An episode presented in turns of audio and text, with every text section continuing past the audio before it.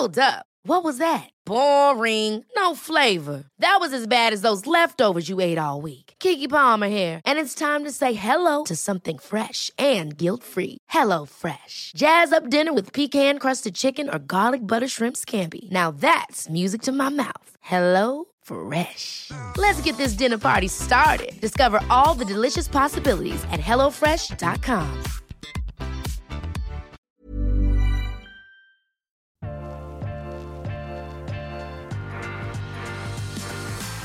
Hei og velkommen til en ny episode av Ukens vintips. Og i dag så er vi, vi er veldig heldige, for vi har fått eh, en gjest som jeg tror eh, mange av dere som hører på denne podkasten her eh, kjenner til, og det er Eivind Hellstrøm. Velkommen til oss, Eivind. Du, tusen takk, og hyggelig at du uh, sier det på den måten. Uh, at, uh, at det er spesielt hyggelig at jeg kommer som gjest. Ja, jeg syns det er spesielt hyggelig. Um, og så syns jeg det er litt spennende, fordi du, er, du er åpenbart kjent for å være kokk, men det vi egentlig ikke har hørt så mye deg snakke om, er jo egentlig vin. Det nærmeste jeg Ja. eh, husker å, å sett deg være veldig på vin, er den ene episoden av Truls Ad Hellstrøm Ja. hvor du blindsmaker rød og hvitvin. Ja, ja, ja. Og du sier denne legendariske Rouge Ja, og Truls ja, knekker ja, sammen. ja, ja. Så det er på en måte utgangspunktet. Um, men på den annen side så, så har du også en lang historie med vin. eh, tilbake til sant, tiden på Bagatell, Ja, ja. som er jo kjent for et av de stedene med mye vin. Så det jeg egentlig lurer på, å, bare for å sparke det i gang Ja. og, og for dere som hører på, vi har noen vintips også. Du har tatt med en vin, Svein har tatt med en vin, så vi kommer tilbake til det senere.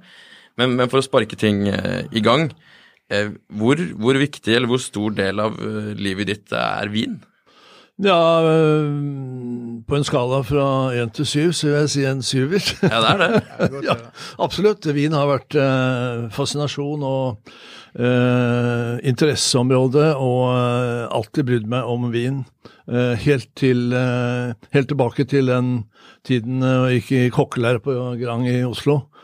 Og eh, jeg ble mobba fordi eh, jeg drakk vin og smakte på vin. Og eh, ble mobba på den måten at eh, eh, kollegaer og kamerater kamerater, skolekamerater og alt, de drakk øl. Mm. Så sier jeg jeg er ikke så glad i øl. Jeg tok noen øl innimellom, men mm. jeg ble mobba pga. min vininteresse.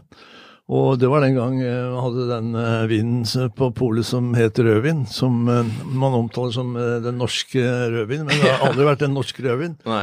Men det var- den berømte, den sekskroners eh, rødvin. Det sto bare rødvin på Det var etiketten. der det startet. Chateau Hasle. startet det. Og- Chateau Hasle var han kalt. Chateau Hasle ble den også kalt. Ja, ja, ja.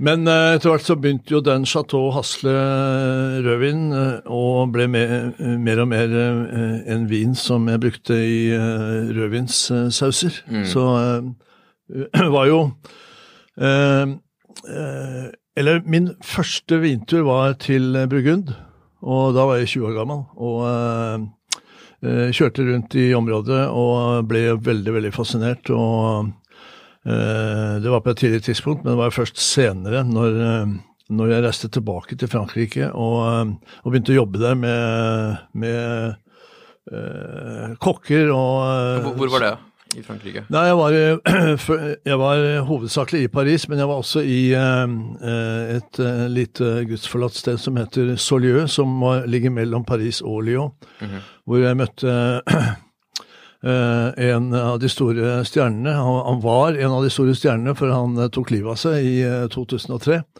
Eh, Bernard eh, Loiseau, men vi ble veldig gode venner, og han tok meg med rundt i Burgund til eh, eh, kjente og også ukjente eh, produsenter. Da. Og det var jo da jeg skjønte eh, at det som teller i Burgund, det er eh, produsentene. Eh, selvfølgelig årgang, og selvfølgelig eh, de kjente slott osv., men de derre eh, Eller den derre kronglete Burgund, da, det er jo utrolig vanskelig å, å lete seg frem. Ja. For du har jo alle de berømte områdene. Eh, men du kan kalle det for eh, Chambol Messigny og Nui eh, og, og eh, Cote Bon og Cote Nui og alt det der. Men eh, det var da jeg oppdaget viktigheten av å møte de riktige produsentene. Mhm. Og uh, Hva var det du fikk ut av å møte de? Var det de, de lærte deg Ja, om jeg lærte uh, selvfølgelig veldig mye om uh, lidenskapen. Og, eh, men etter hvert som årene går, så kan du si at det er mange store familier og produsenter som har bygd opp de store navnene. Men eh, så gift, gift, gifter de seg med sønner og døtre osv. Så, videre. så Og så har du også vært med på den reisen som Burgund har hatt, altså fra den tiden til i dag. Ja. Som Pontus, som Arne Ronald, som alle nevner nå, at de har hatt enorm kvalitetsutvikling. Ja, ja. Men du kjenner jo da faktisk at bestefar og far til dagens produsenter. ja, egentlig. Eh, nevner navn som eh, eh, Potell. Ja, på hotell, for eksempel. Eh, han tok også livet av seg. Ja, det er litt dårlig trend er, her. ja, det er dårlig, dårlig start. Men uh, uh, altså, jeg kjenner jo Marquis d'Angeville, og jeg kjenner jo Jeg kjenner nesten alle. Men har du fortsatt å reise til disse Eh, ja, nå er det en stund siden jeg har vært i Burgund, men jeg elsker jo å komme dit. Ja. Det er jo en av mine foretrukne områder. Men jeg elsker jo Råna, da. Åndal er jo en fantastisk. Ja. Men, Eh, men um, ok, så, så det var litt sånn det begynte. Og så etter Ja. hvert så, så ser jeg for meg at den interessen og kunnskapen og entusiasmen vokste med at det utviklet seg innenfor resten av det kulinariske. Absolutt. Når vi startet Bagatell i 82, så, så var det jo eh, Vinmonopolet, selvfølgelig. Eh, men det var en annen type vinmonopol enn det vi ser i dag. Ja. Det var litt eh, sånn uh, sovjetsamveldeaktig i Hva, hva, hva betyr det? Jeg var jo ikke altså, der da. det, jeg. det Nei. som skjedde uh, i den tiden, var det enkelt fortalt, så hadde, fikk jo etter hvert Bagatell uh, rykte på seg å ha mer viner og bedre viner enn selve Vimopolet. Og så var det mange fronter, eh, da med HDG, starten med Ja, ja. Rodol, og Hellstrøm på- oppå hjørnet. Hva mener du med at Polet likte ikke at det var så god vin? Nei, det, altså, Andre det, var steder. det var jo en motpart, sant, fordi Mm. at Bagatell hadde så mye mer og bedre viner enn selve polet. For da var jo ikke vinsalget Da var jo det sprit, sprit og øl som ble solgt på polet mest av, men Mm. ikke, ikke vin. Vin var, kom på 80-90-tallet. Ja, det vil jeg si. Og ble liksom kult. Ja, og vi Altså, vi, når jeg sier vi, så var det både Kristoffer Mostu og meg selv og eh, eh, altså mange andre som var ekstremt interessert i, eh, i eh, viner. Og eh, det, vi var jo den første eh, og pioner på å, å importere egne viner. Ja, Eh, for da var det en mulighet. Nå er jo alt det der endra. Men vi Men var du din egen agent da? Nei. Eh, nei, eh, nei. Vi eh, eh, Nå husker jeg ikke akkurat eh, Men Det, kom reglementet. det var slik at Ja. Bagatell var kjent for det i vinmiljøet. Ja. Og eh, ja Men, men hvordan var det sånn, da, da dere åpnet Bagatell for første gang? ja, da var det pol polstreik. Det, og den varte i et uh, halvt år. Vi åpnet i uh, september eller oktober i 82. Og polet var streika altså i mer enn uh, seks måneder. Vi hadde uh, dispensasjon uh, ved å ta inn Beaujolais Nouveau, altså i den tredje torsdagen i, i uh, november. Hva, hvorfor var det et unntak? Beaujolais Nouveau, jo, Den kommer jo bare da. det kom jo bare Jo, jo. den. Så, Beaujolais Så da Nouveau kom vi, bare da. hvis vi ikke får det nå, så får vi det ikke. Da kunne man faktisk kjøpe ja, Beaujolais Nouveau. Så vi hadde den, pluss at min eh, kollega Ole Peter Rostad, som hadde vært litt forutseende, og kjøpte inn eh, en Bordeauxvin som het Chateau de France. Eh, og den hadde vi. Så Da- han hadde France. kjøpt inn liksom 600 flasker, og vi hadde de to vinene. Ja. Men etter hvert så, så Etter ø- hvert- øppet dere kvaliteten litt. Etter hvert. Og så kom jeg i kontakt med uh, mange produsenter, og uh, uh, vi er de første som henter inn viner fra Domaine Le Fleuve, f.eks. Fra Marc Collin, fra Marquis d'Angeville, fra Altså I Frankrike, topprodusenter. Ja. Og vi henter inn, og vi får et vinkart etter hvert som, eh, som ble helt eh, legendarisk. Ja. Men Jeg jeg, hører jo fortsatt det Folk nevner jo det i, i helt eh, tilfeldige sammenhenger i dag. Så nevnes det når man snakker om gode viner, Den, den hadde vi på Bagatell, og den hadde på Bagatell. Og i, i mye større grad enn det jeg hører om noen andre restauranter i Norge. Det, men det kommer jo også det at uh, Bagatell sin vinkjeller uh, utvikler seg litt over tid, og så er det personer. Altså Kristoffer Mostu nevner du. sant? Ja. Det andre, det er poker. Så det var jo perioder der det var litt for mye vin og for lite vinkjeller. Men fant eh, du hvem som skulle være ansvarlig for vinen? Var det en del av noe du gjorde? Ja, det Ja. Eh, Kristoffer var jo den eh, første som eh, virkelig var den eh, eh, Eller han var den første nerden som kom inn. Men hvordan, hvordan fant dere hverandre? Nei, han kom, eh, eller Kristoffer kommer, og da han har gått i kokkelære hos eh, Roar Degge, Ja. på tre kokker i sin tid. Og så kommer han og spør om han kan begynne på kjøkkenet. Og så sier jeg sorry, men jeg har ikke plass, for vi har så mye folk her. Men du kan starte i serveringen, og så kan vi se hvordan det går. Mm. Og uh, hvis det blir en åpning på kjøkkenet, så velkommen inn. Mm. Men jeg skjønner jo at du har uh, Eller det skjønte jeg veldig fort, fordi den vininteressen uh, hos Kristoffer, den ligger jo tykke lag utenpå han. Ja. Og så kom han inn og gjorde en strålende jobb, og vi, vi fant hverandre på den måten, da. Og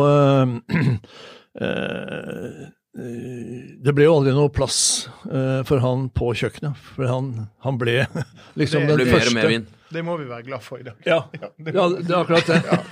Det er akkurat det. Hele Norge bør være glad for det. Det, det skal Norge være glad for. Og uh, uh, Så han var i eh, flere år som, eh, som eh, vinservitør, eller vinkelner, eller sommelier, da, Mm. som vi kaller det i dag. Eh, og det, han gjorde en glimrende jobb. Men, men hvordan var denne overgangen med, med å ha mange forskjellige vinstiler og Burgund og Bordeaux og sånn? Det var jo på en måte Bordeaux som gjaldt lenge.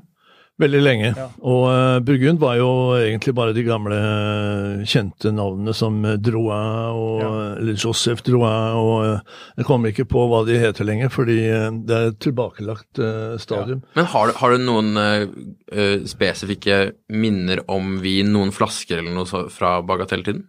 Et eller annet som var fantastisk? Ja, jeg har vel egentlig en en eh, rekke med store, store, store minner. Men uh, det som gjorde meg litt uh, usikker i en kort periode, når Kristoffer går ned og henter en Chateau Margaux uh, eh, Vi hadde kanskje seks-syv flasker. Eh, jeg husker ikke akkurat årgangen, men det var en eldre Chateau Margaux. Det er 1982 var, var Ja, det. t- ja, Nei, ja, nei, nei, unnskyld, 1928-årgangene ja. som da kom, eh, som var, var der. Og så, eh, ved et bord hvor det sitter fire, fire gjester som var eh, tydelig eh, vininteresserte og, og eh, skulle ha god vin. Mm. Eh, og Kristoffer, som han alltid gjør, han skjenker jo et lite glass og smaker på vinen. Og uh, rister litt på hodet og er ikke helt happy. Uh, så uh, han tenker at her er det, denne vinen er ikke helt perfekt. Og Så går han ned i kjelleren og henter en ny, samme årgang, Chateau Margot. Mm. Og øh, åpner den, og øh, han var heller ikke fornøyd. Han skjenka ikke til gjestene. Nei. Kun øh, kvalitetskontroll fra sin egen, egen gane Yes. og nese. Eh, og så den tredje flaska, den var ok. Da tenker jeg faen. Altså, hvor mange Chateau Margaux har du tenkt å åpne i kveld? Men det gikk over, og vi hadde et veldig greit, eh, bra forhold. Jeg kan jo trøste med Eivind at han gjør det fremdeles i dag. Ja, jeg vet. Han disser sine egne viner Jeg vet. og pressesmaking og alt sånt. Han er, han er nar til det. Ja, ja, ja. Men, men eh, ok, mat og vin generelt, da. ja. Så, så noen er jo nesten litt sånn nazi på hva man skal drikke til Ja. en, en rett eller en type mat. Ja. Hvor ligger du i det? Nei, jeg er ikke eh, i det hele tatt. Nei. Jeg kan uh... Da er dere to litt like. ja. Ja, altså, Ja. eh, Så det, det du sier, er egentlig at drikk noe du liker sammen med noe du spiser, liker å spise? ja, jeg vil si jeg kan eh, eh, velge en vin kun for å eh, ha glede av vinen. Mm. Og så kan jeg lage mat kun fra glede av maten, men det må ikke være den perfekte kombinasjonen. Nei. Der er ikke nazi i det hele tatt. Så først og fremst hver for seg, Ja. og så Ja, først og fremst hver, hver for seg, men jeg kan godt drikke eh, lette rødviner til uh, stekt fisk, f.eks. eksempel. Det må ikke være hvitvin. Det må ikke være uh, det, Jeg har egentlig Jeg hadde det kanskje før, men nå så bryr jeg meg ikke så veldig mye om det. Er vin god, og sånn umiddelbar og eh, lett å drikke og juicy og alt det der, som jeg i, i perioder eh, er veldig glad, glad i. Men det kan også være eh, gamle, eller det trenger ikke være så gamle, men gode bordeauxer f.eks. Eller gode rån. Eller eh, Jeg drikker alt mulig, egentlig. Men jeg må ikke ha den perfekte matchen, for jeg tror nok at eh, den perfekte matchen, den eh, er Har du hatt den perfekte matchen? Nei, jeg kan ikke si det. Nei. Jeg tror det er eh, eh, Eller perfeksjon, det er eh, egentlig eh, noe som er umulig. Men er, er det noen eh, kombinasjoner, synes du, som man bør trakte etter? Er det noen viner som, bør, som du mener går ekstra bra til en rett? Til tross Jo, men vi har den gamle, gamle regelen om at uh, Roquefort og Sautern, for eksempel, eller uh, Stilton og portvin og uh, Altså, jeg Jeg tenker at Jeg, tror- jeg tror det du sier, det er at når du lager mat, så fremhever du det. Når du drikker vin, så velger du en viss type stil. Mindre eikebruk, eh, ikke Ja, høy ja. alkohol. Og da, når du da går inn og sier OK, jeg drikker ikke en, en portvin til fisk. Nei. Så det, det, det er en viss kunnskap i det. Ja, ja, det ikke- absolutt. Det, er sånn at, Ja, ja, ja, ja. eh, Man har jo eksempler på der folk kommer inn, eh, sikkert ikke på, på bagatell, men de kommer inn og tar de masse ketsjup over maten. Sant? På grunn av de vant med det. Og sånn er det i vinens verden. Det er noen som bare så, skulle det, er, Var det mange som tok ketsjup på maten på Bagatell? Nei, det tror jeg ikke. Jeg tror ikke det var én eneste en, for vi hadde ikke ketsjup. Jeg har bare opplevd Helstad med en gang der han kasta ut nesten en hel restaurant fordi at ikke ting gikk som han ville. Og det var jo eh, på en sånn eh, Er det noe vi skal snakke om? nå? Nei, det, men det var, var en lærerik opplevelse i at man eh, til slutt går streken, og da ble folk bedt om å gå eh, på en formiddag. Men eh, poenget er jo det at, eh, at eh, denne verden som jeg vet og du har bidratt mye til, det er at, at eh, Bagatell var starten, arnestedet, til veldig mye av vinadressen vi ser i dag. eh, Jon Trygve. Dette lille stedet på, i Bygdøy og det har avlet så mye vinkelnere. Og hadde ikke Kristoffer hatt den vininteressen, hadde ikke han startet vinkelnerskolen. Verden har gått videre. Og så har det vært sånn hele Men nå, nå er det jo en eksplosjon i, Ja, ja. i Norge. Altså, Ja, ja. Nå, nå, altså, nå er det jo så mange også som tar uh, sommelierutdanning også, som aldri har tenkt til å jobbe med vin, men som synes det er Ja, ja. utrolig Ja, det er fascinerende. spennende. Ja, det er, Og vinkelleren også på, i, i, i Norge nå er jo flinkere enn en noen gang. ja, det er eh, helt eh, Altså, ta eksempel Thomas Gjertsen, da, som, eh, som har tatt Ja, han har vinkelnerutdannelse. Mm. Han skal ikke jobbe som vinkelner, men eh, han er jo bare fascinert og utrolig interessert. Ja. Og elsker god vin, da. Så nei, det er en eh, Det har skjedd mye. Og eh, Men, men i dag, da, så uh, hvis, hva, hva er det du liker å drikke i dag? Hva, hva, hva er det du typisk kjøper selv eller serverer når det kommer til vin? Ja, nei, jeg er egentlig eh, åpen i eh, nesten alle retninger. Eh, og jeg liker å gå rundt på eh, forskjellige pol, bare for å se og prate med og få anbefalinger. Mm.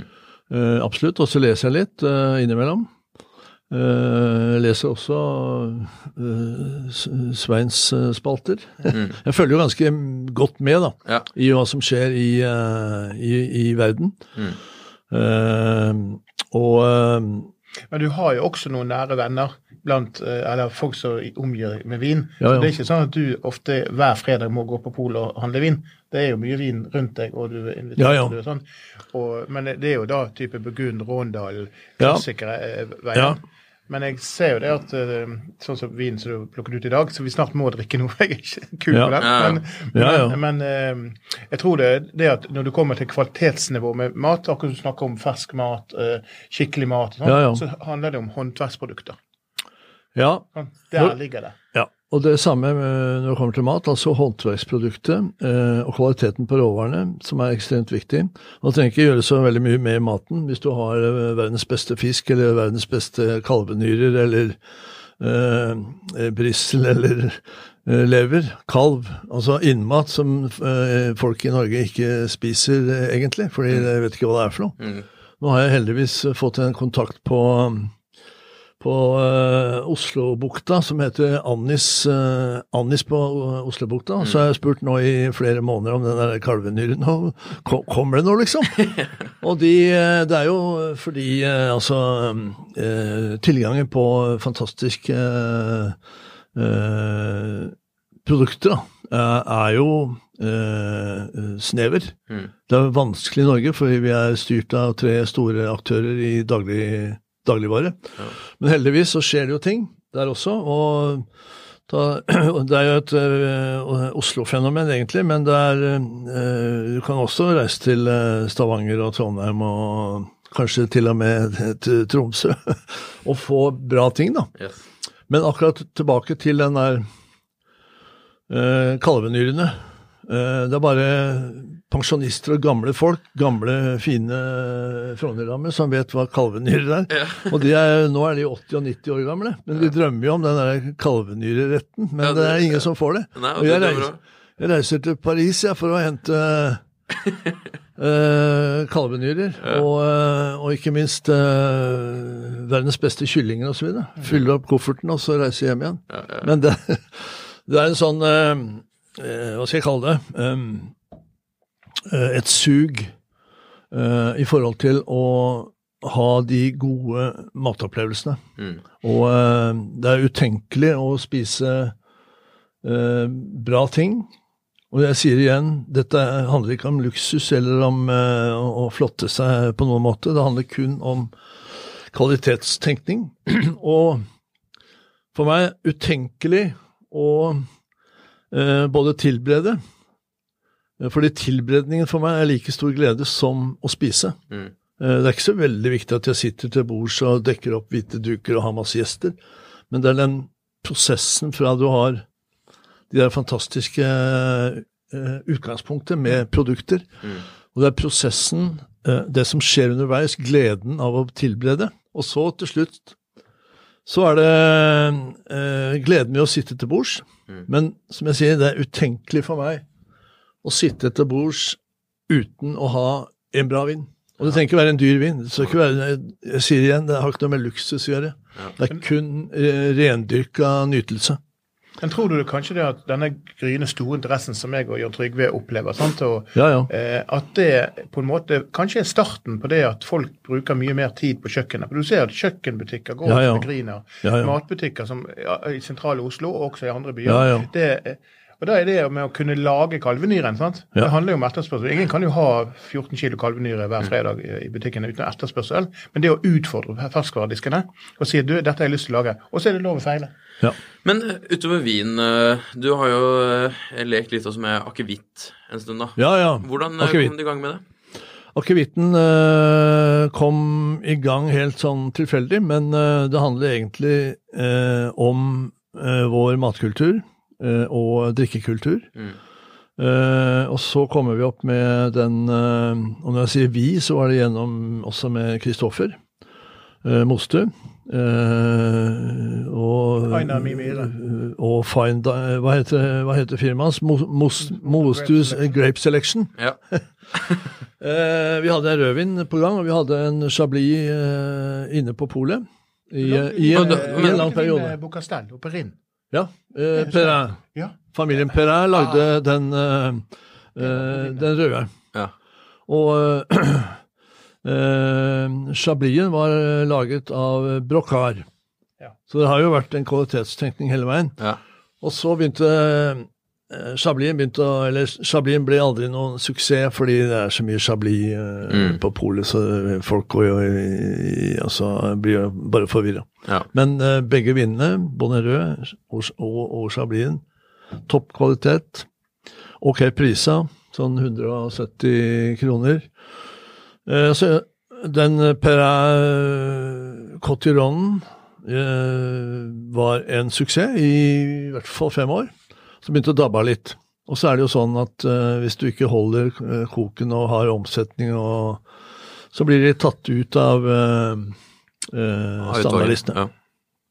Så det handler jo også veldig mye om rett og slett bare fokuset på vin. Sant? Du fikk, Ja, ja. har jo hatt masse annet å gjøre. Sant? Det samme har Ja, ja. Å gjøre. Absolutt. Men eh, tilbake til akevitten igjen. Akevitten, og akevitten kom opp som en bra idé. Og som jeg sier, det handler om eh, den norske drikkekulturen og påvirke i, med en vellaga eh, akevitt. Så vi startet med det som jeg kaller for eh, helårs, og så ble det juleakevitt. Og Ja. så Er det Eh. forskjell på helårs juleakevitt? Mm. Det er ikke bare branding. Nei, det er, nei, nei. Det er, det er forskjell på lagringen Ja. og, og uh, bruken av fatlagring. Ja. Så Hva, er forskjellen? Han vant den juleakevitten. Han vant jo testen i år. Ja, jeg vet, jeg vet. jeg vet. Ja. Eh, og den er jo, akevitten er jo litt sånn Han kom jo først solgte seg inn på basisutvalget fortere enn noensinne. sant? Ja, ja, den forsvant med en gang. Så knuste jo arket sitt eh, Ja. domene. Ja, ja. Så det er jo kjempeinteressant. da. Men hvor, Men det eh, mange- lagring, altså sherryfat og uh, maderafat. Så juleakevitten har begge. Ok. Og helårsen har Helårsen har sherry. Okay. Altså sherryfatmodning. Ja. Men, men, over, har- over så lang tid som mulig, altså 18 måneder og 24 måneder. men når vi har eh, snakket om eh, Egentlig så har vi snakket ikke bare om akevitt, men vi har eh, snakket litt om, eh, om julemat og vin. Ja. Eh, og da har vi vært innom akevitt. Eh, men helårsakevitt, hva, er det du- hva er det du drikker det til? Nei, ja, altså, jeg tenker at man kan drikke akevitt uh, eh, hele året, fordi uh, akevitt sammen med, med sjømat, eh, eller eh, skalldyr, Mm. eh, sjøkreps, eh, hummer, eh, kongekrabbe Det kom over noe, eh, en annen type krabbe også, som heter eh, snøkrabbe, som er litt sjelden, men den kommer. Mm. Eh, fantastisk produkt. Og et lite glass eh, helårs Mm. ved siden av. Ja. Og mikse opp med Ikke mikse opp, men samtidig uh, legge inn uh, en, eh, en uh, vin med litt storhet. Mm storhet. Og eh, gjerne en hvit, uh, en hvit uh, f.eks. en hvit ermitasje, en hvit rån, en hvit uh, eh, hvit uh, rånvin. Mhm. Det er vesentlig for akevitten sin del, for Hellstrøm sine, jeg gjenkjenner de, det er at de, de er ofte sånn sitrusbaserte. Og De er ikke karvebaserte. Så det er ikke sånn Ja, ja. bomba karve, det er sitrus. Så de er på en måte litt mildere, Ja. men samtidig ja, De er matvennlige. Og jeg tror Mm. i første gang vi begynte å snakke med akevitten til Hellstrøm til mat, så var det sånn at de var så matvennlige. At de bare de Ja, ja. ble populære av seg sjøl, av folk som, som ikke kanskje var så vant med akevitt, kanskje. Ja. Men det var en del fordommer mot akevitt når han kom, men nå er ja, ja. Veldig. nå er han selvslager. Han kommer vel kanskje i kvartball over. er- Ja, jeg har vært på øh, akevittfestivalen på Gjøvik eh, i eh, fem, seks, eh, syv år. eh, og står og skjenker ut eh, min egen akevitt. Og da Den store begeistringen kommer jo fra kvinner. Altså De vil ikke ha det? De vil ha det. Ja, ja. det å ja, begrensningen kommer fra at du, det, er så, det er så stor etterspørsel, rett og slett? Ja, og altså kvinner vil ha den type akevitt, da. Som Ja. er uh, ikke karvebasert, men som er sitrusbasert. Og det var helt klar og tydelig uh, altså, tilbakemelding. Veldig tydelig. og Men var det en klar tanke når du begynte å lage det? eller? Sånn Ja, eh, jeg er ikke noe spesielt glad i sånn eh, mye mye karvebasert. eller dill? Eller ikke, ikke deal Nei, heller. nei, nei. ja, men da er vi enige om det. Ja, ja, ja, da er vi enige. Ikke deal og ikke karve. Du kan, karven skal ligge der, fordi det er jo eh, et av eh, elementene i en uh, akevitt. Men sitrus uh, Ja. uh, Fennikel. Ja. Uh, den er litt uh, anispreget. Mm. Jeg tenker det gjør akevitten bare en helt sånn eh, suveren og, og lett å like, da. Mm. Men det som er eh, Det er ikke nytt, fordi det er en eh, relansering nå av den blanke akevitten, sommerakevitten, Mm. som vi startet med å kalle den. Mm. Og da det, Den tikket, tikket og gikk bra, den eh, på sommeren, men eh, jeg prøvde å si hele tiden at Uh, Sommerakevitten den er like god på vinteren.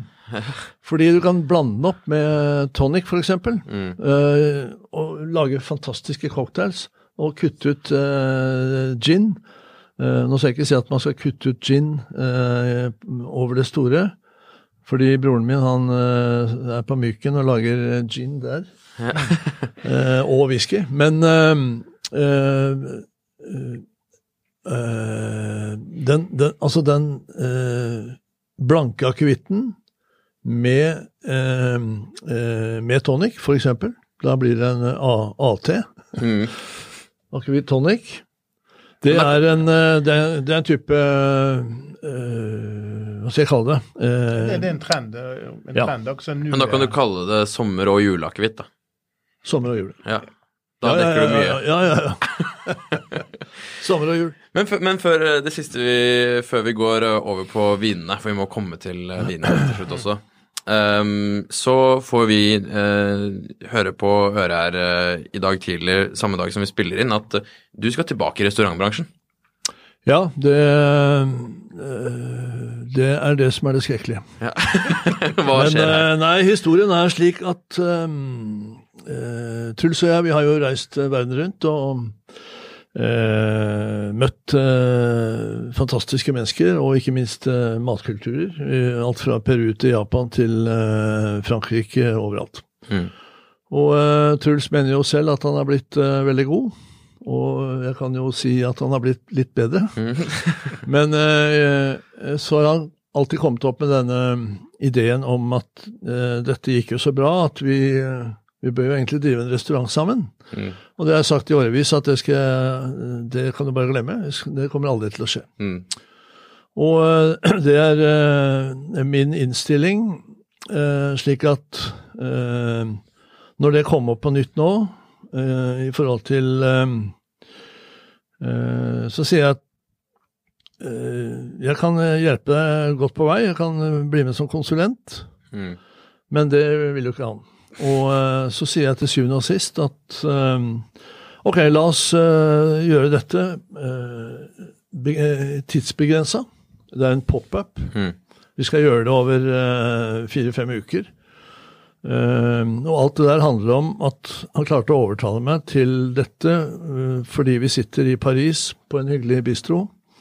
Og vi har drukket litt vin, og det er god stemning, Vi kjenner folka. Og så tenker jeg at hvis jeg noen gang skal eh, starte opp på nytt igjen, så må det være litt sånn som dette, liksom. Mm. Eh, jeg kan nevne steder som uh, Racine, som er en fransk-italiensk bistro. Jeg kan nevne steder som heter La Michan. Eller en venn av meg som driver et sted som heter Table. Og det er egentlig ikke noe bistro, men det er en litt oppgradert bistro. Fantastisk sted. Uh, noe som heter uh, Cam de Bord, eller Le Comptoir, ligger midt i uh, Saint-Germain-området. Mm. Jeg, jeg, har også laget en bok om Paris og de gode stedene, uh, som heter Bonjour Paris, og den kom ut før covid-19. og heldigvis. Men den omtaler kanskje 50 perler i, i Paris. Som, Men er det et sånt sted dere skal lage? altså, i mitt hode ja så, så er det det. Ja. Hva er det i Truls sitt hode, da? Det vet jeg ikke ennå. Det, vil, det vil vise seg. Jeg vet ikke, og det er det som er det skremmende. Fordi jeg sier at uh, restaurantdrift, uh, uansett nivå, vil jeg si, uh, er noe av det vanskeligste man kan holde på med. Mm. For det er Altså Ja, jeg har holdt på med restaurantdrift i 30 år, og det, det er det er skrekkelige greier. Men dere skal stå på kjøkkenet? Ja, altså, Noen må jo servere, og noen må lage maten. Ja. Og Da har vi foreløpig en uh, fordeling som går på at vi uh, Truls han tar, tar imot gjestene. Jeg mm. lager maten. Og jeg har med en uh, assistent på kjøkkenet. en ung, en ung kokk som, som, som har tre-fire-fem års erfaring fra København. Det er jo en en ung jente, utrolig eh, energisk og fokusert på Og det gjør meg litt eh, eh, roligere i forhold til at jeg har, jeg har med meg en assistent. Men det, du Det ikke- og Truls skal åpne restaurant, men han er ikke invitert på kjøkkenet ennå? Jo, Han skal bare ta imot eh, gjester. Nei, men som jeg sier til Truls eh, hele tiden, det, det å drive en restaurant da, jeg, jeg skal ikke drive restaurant, jeg skal drive en liten bistro. Den er begrensa til eh, de få ukene. Ja. Og vi skal ikke ha inn mer enn fire bord. Vi skal Mm. ha maks Jeg sier maks 16 gjester, fordelt på fire bord. Og eh, Truls, han må eh, operere på alle nivå. Han kan ikke bare stå og, kose seg og prøve å være morsom og, og stå og prate med gjester. Ja. Han må være med og være villig til å gjøre alt. Om det er kjøkken, om det er servering, om det er oppvask, om det er eh, toalettrengjøring, hive ut fulle folk, alt. Alt det som oppstår i en restaurant. Ja. Men har det, dere har begynt å legge ut bord? Fire bord om dagen? og Det blir ikke mange bord? Nei, det blir ikke mange. Nei. Og de som Det blir da en liten eksklusiv greie. Ja, det blir en eh, liten eksklusiv greie. Helt riktig. Ja, ja, bra. Uh, og det uh, når- jeg tar opp de der begrensningene i forhold til at vi skal ikke ha mer enn fire bord, vi skal drive de uh, få ukene, så handler det om kvalitetssikring. Fordi jeg vil aldri komme i en eh, situasjon eh, noen gang hvor eh, jeg blir tatt på, eh, på kvaliteten. Mm. Jeg vil aldri oppleve igjen at folk sier at ja, det var litt sånn og litt sånn. Ja. Det, det er jo det verste som kan skje. Ja. Og, eh, men som jeg sier igjen, eh, i restaurantdrift så kan alt skje. Mm. Det er liksom som i livet for øvrig, at uh, alt kan gå til Jeg liker hvor dramatisk det høres ut. At her bare ser risiko uh, maksimalt. Men nå skal det også sies det at uh, Eivind har jo også drevet restauranter der selv oppvaskhjelpen gikk i smoking. Ja, Ja, ja, ja, ja, ja. Så- Ja, ja, ja, ja. Så det har vært litt høy klasse på ting. Så. det er bra. Ja. Ok, men vi må komme oss til vinene. Så vi, vi, vi, spurte, vi spurte deg på forhånd om du ville ta med en vin som du likte. Ja. Eh, og eh, du har tatt med en vin som eh, verken eh, Svein eller jeg har smakt før. ja, så bra. Så det er veldig spennende. Ja. Hvorfor har du valgt denne vinen? Eh, Og hva fordi- er det? Ja, jeg kan først og, først og fremst si at det er en vin som er laget av produsenten Mathieu Barré, som allerede er et stort navn i Cornas i, eh, i, eh, i Mm. Og eh, dere kjenner jo til eh, Cornas og kvaliteten, og Mathieu selv, han eh, Jeg vet ikke hvor lenge han har håpet. i- og- Ja, han overtok i, i 2010. Ja, eh, og så familie... han da- ja, familieeiendommen. Så de har ja. noen generasjoner, og så Ja, ja, har ja. han gått over til. Det er, det er nok mange som, selv om man ikke nødvendigvis eh, husker navnet når man hører det nå, men eh, det er jo en vin som vi vet en del har prøvd, og det er jo den vinen som du har med som er mer kjent, eh, Svein, som Ja. vi kan Ja. sammenligne med, som er det, det Mange kaller den bare for bamsevinen. Ja. Ja. ja, de har en mellomting som heter bamsevin, og så er denne på toppen. Men det Den er på toppen, ja, men de, de er kjent for bamsevin også. Ja. Ja. Som er, ja, det er jo litt sånn Ja, ja. fælt å kalle det det. ja, det er kanskje. Men uh, tilbake til uh, Mathieu, uh, og kjent for Cornas. Og så, helt tilfeldig, så kom jeg over denne eh, Jeg leser først produsentnavnet, og så står det 'Je suis ton père'. Altså det betyr at 'jeg er din pappa'. Ja. Eh, Og så tenker jeg, hvorfor står det? Og der handler det om eh, druesorten som heter eh, Durezza. Mm. Og som Den er eh, det ikke så mange som har prøvd, tipper jeg. Nei, det tror jeg Jeg ikke. deg Durezza, og eh, Durezza blir omtalt som eh, den genetiske pappaen til Syra-druen. Og det er det som, eh, som får meg til å tenke at eh, dette er interessant. Og det, det, dette har noe også da med etiketten å gjøre. Eh, ja. Hvis du ser på etiketten, så eh, hva skal vi si? Det er jo en eh, slags eh, Star Wars-tegning. Ja, det er en Star Wars-tegning, og eh, eh, nå kjøp, uh, tok jeg ikke den vinen uh, inn i stua for å please Nils, som er 12 år gammel, og han er snart 13 nå. Men han elsker jo Star Wars. Han har jo Altså, han sitter med Lego, og han har hundrevis av Star Wars-krigere. Mm. Men eh, så ser jeg på baksiden av flaska, der står det 50% Durezza og 50 Gamay. Mm. Men i produktbeskrivelsen så står det 100 Duressa. Durezza. Og det har vært en eh, eh, det, er en av de to tingene, kanskje. Eller Ja. mellomting. Men, det, men vinen er egentlig da eh, Syrah I Am Your Father. Det er liksom Ja. det de spiller på. Ja. Mm. Og eh, så eh, kan man se hvis man blander Durezza og Gamay, da. Og jeg elsker jo Gamay i form av eh, de gode Beaujolaiene. Og eh, altså de beste porselenene er jo eh, for meg eh, sånn helt nærliggende å, å ta med hjem. Ikke alltid, for jeg blir litt lei av det innimellom. Men de beste produsentene i Beaujolais, som heter Marcel Lapierre og Altså, det er, det er mange. Men bare for å ta Lapierre, fordi det er en av de Og det er jo store viner. Mye frukt og mye eh, Ja. Det uh, Eller fra min interesse for denne uh, Star Wars-vinen Mhm. den kom akkurat pga. den der dru- druesammensetningen. Så tenker jeg at ok, her har vi en Syra-basert og miksa opp med Gamay. Og den der storheten som du får i Syra, og, og den mektigheten i en miks. Og så gleder jeg meg til å smake vinen. Mm. Og så tenker jeg at wow, dette her er eh, eh, storartet. Mm. For den har, den har både syra-basen, Mm. og så har den den eh, friskheten som bare kommer opp av glasset. Så jeg tenker det er Og den koster ikke så mye heller.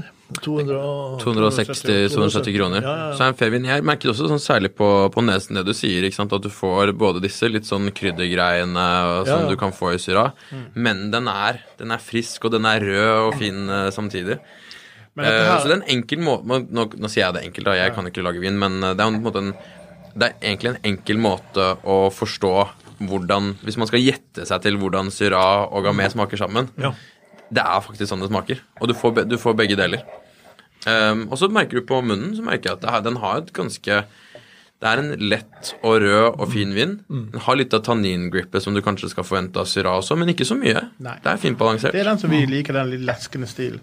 Men denne druetypen jeg må også sies til at det er under en hektar plantet av den i Rådalen. Og bare eh, sliter jo med å, liksom, å catche druene og få til. Så Ja, ja. Eh, Derfor denne blandingen mellom 50-50 i 2020. Eh, det han vil gjerne ha laget på 100% Første gang laget i 2018. Eh, men det vil skje nå fra mai av, når det ny Det er jo bare noen titalls flasker igjen i Norge. Eh, så eh, kommer han da med 80% Kamai, og resten da Det er én flaske til hvert eh, bord på nye bistroen. ja, det kan stelle. Men det som var så fint for meg, for at jeg hoppet i stol når denne vinen kom, for det, den druen der er lenge siden jeg har vært borti. Ja. Eh, og um, hadde med noen runder med, med, med kjekk. Men, men jeg må jo si, Jon Trygve, dette er jo akkurat som vi snakker med Råndal. Det er leskende. Ja. Det som viser Råndal på sitt beste.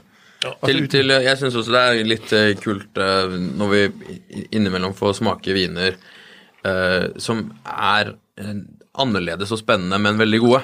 Fordi det er så lett å, sant, å anbefale viner som er de samme druene, de samme områdene, de samme produsentene, samme stilen. Prøve noe nytt som er veldig godt, ikke bare nytt for nytt sin skyld, som man også er innom noen ganger. Det er veldig kult. Men, men Svein, hva er da forskjellen på uh, den vinen som vi nettopp smaker, og den andre? Hvilken, hvilken Er det rensyra? Nei, det var jo ikke for at jeg mistro liksom, hva det var. for Jeg hadde ikke smakt vin. Tenkte, det. jeg skal i hvert fall ikke komme i studio og ha en vin jeg ikke liker. Nei, nei, Nei. Så da tok jeg med meg samme produsent. Ja. Eh, dra la opp i, opp i Conas. Eh, 100 syra. Eh, en vin som jeg har lovprist mange ganger i artikler og sånt. Eh, og det har rett og slett med det at her er det en produsent som drar frem frukten. Han har dratt frem det biodynamiske, og, og da får du litt klare, renere frukter. Og eh, Selv om man kan si ja, det er en klassisk Conas, det er det ikke. For det, dette her er mye mer freshere og renere. Og den kan ligne på Mostusen, Kristoffer Mostusen sin, men han har jo da tilført fat. Her er det mye mindre fatbruk, og det ser jo man da på, på Conasser. Dette, er dette moderne Conas? Ja, jeg tror kanskje det. Men nå koster denne 419, den konassen, og den andre koster 2 Ja. 280. sant? Så det er jo begge to kjenner vi umiddelbart gode viner. Ja. Mm. Kul produsent. Det er, eh, det er en eh, friskhet i begge, og samtidig så er det dybde. Og eh, selvfølgelig, Kornassen er jo mye, mye større, men eh, alt til sitt bruk. Ja. Selvfølgelig. Og men, hvis, hva- vi går, nei, hvis jeg tar den uh, Je suis ton père, Star Wars, kan jeg egentlig drikke til, til, eh, til fisk og til ja. lett, og kjøtt og egentlig alt mulig. Den kornassen, da tenker jeg umiddelbart at eh, ok, da må vi ha en uh, eh, eh, relativt uh, uh, fyldige, fyldig mat. Det er vanskelig å snakke om mat, egentlig, fordi si at vi at det er en, eh, en vin som passer perfekt til eh, lett eh, fugl uten å virke snobbete. Men hvis du forestiller deg en, eh, eh, en tilberedning med eh, orrfugl, Ja. eller eh, Kobler du på noe sopp? ja, Smør? og sopp og sånne ting, da begynner det å vibrere. Og med det Nå er vi på trekvartersmerket, så jeg skal ikke stjele så mye mer av din tid um, heller. Um, deilige viner. Morsomt å prøve en ny vin. Hyggelig å høre um, om alt om vin i din historie, Eivind. Uh, tusen takk for at du tok deg tid, og for dere som hører på. Uh, vi er tilbake neste uke. Ikke med deg, men uh, med noe annet. Med noe annen vin, som vi alltid gjør. Takk for i dag. Veldig hyggelig.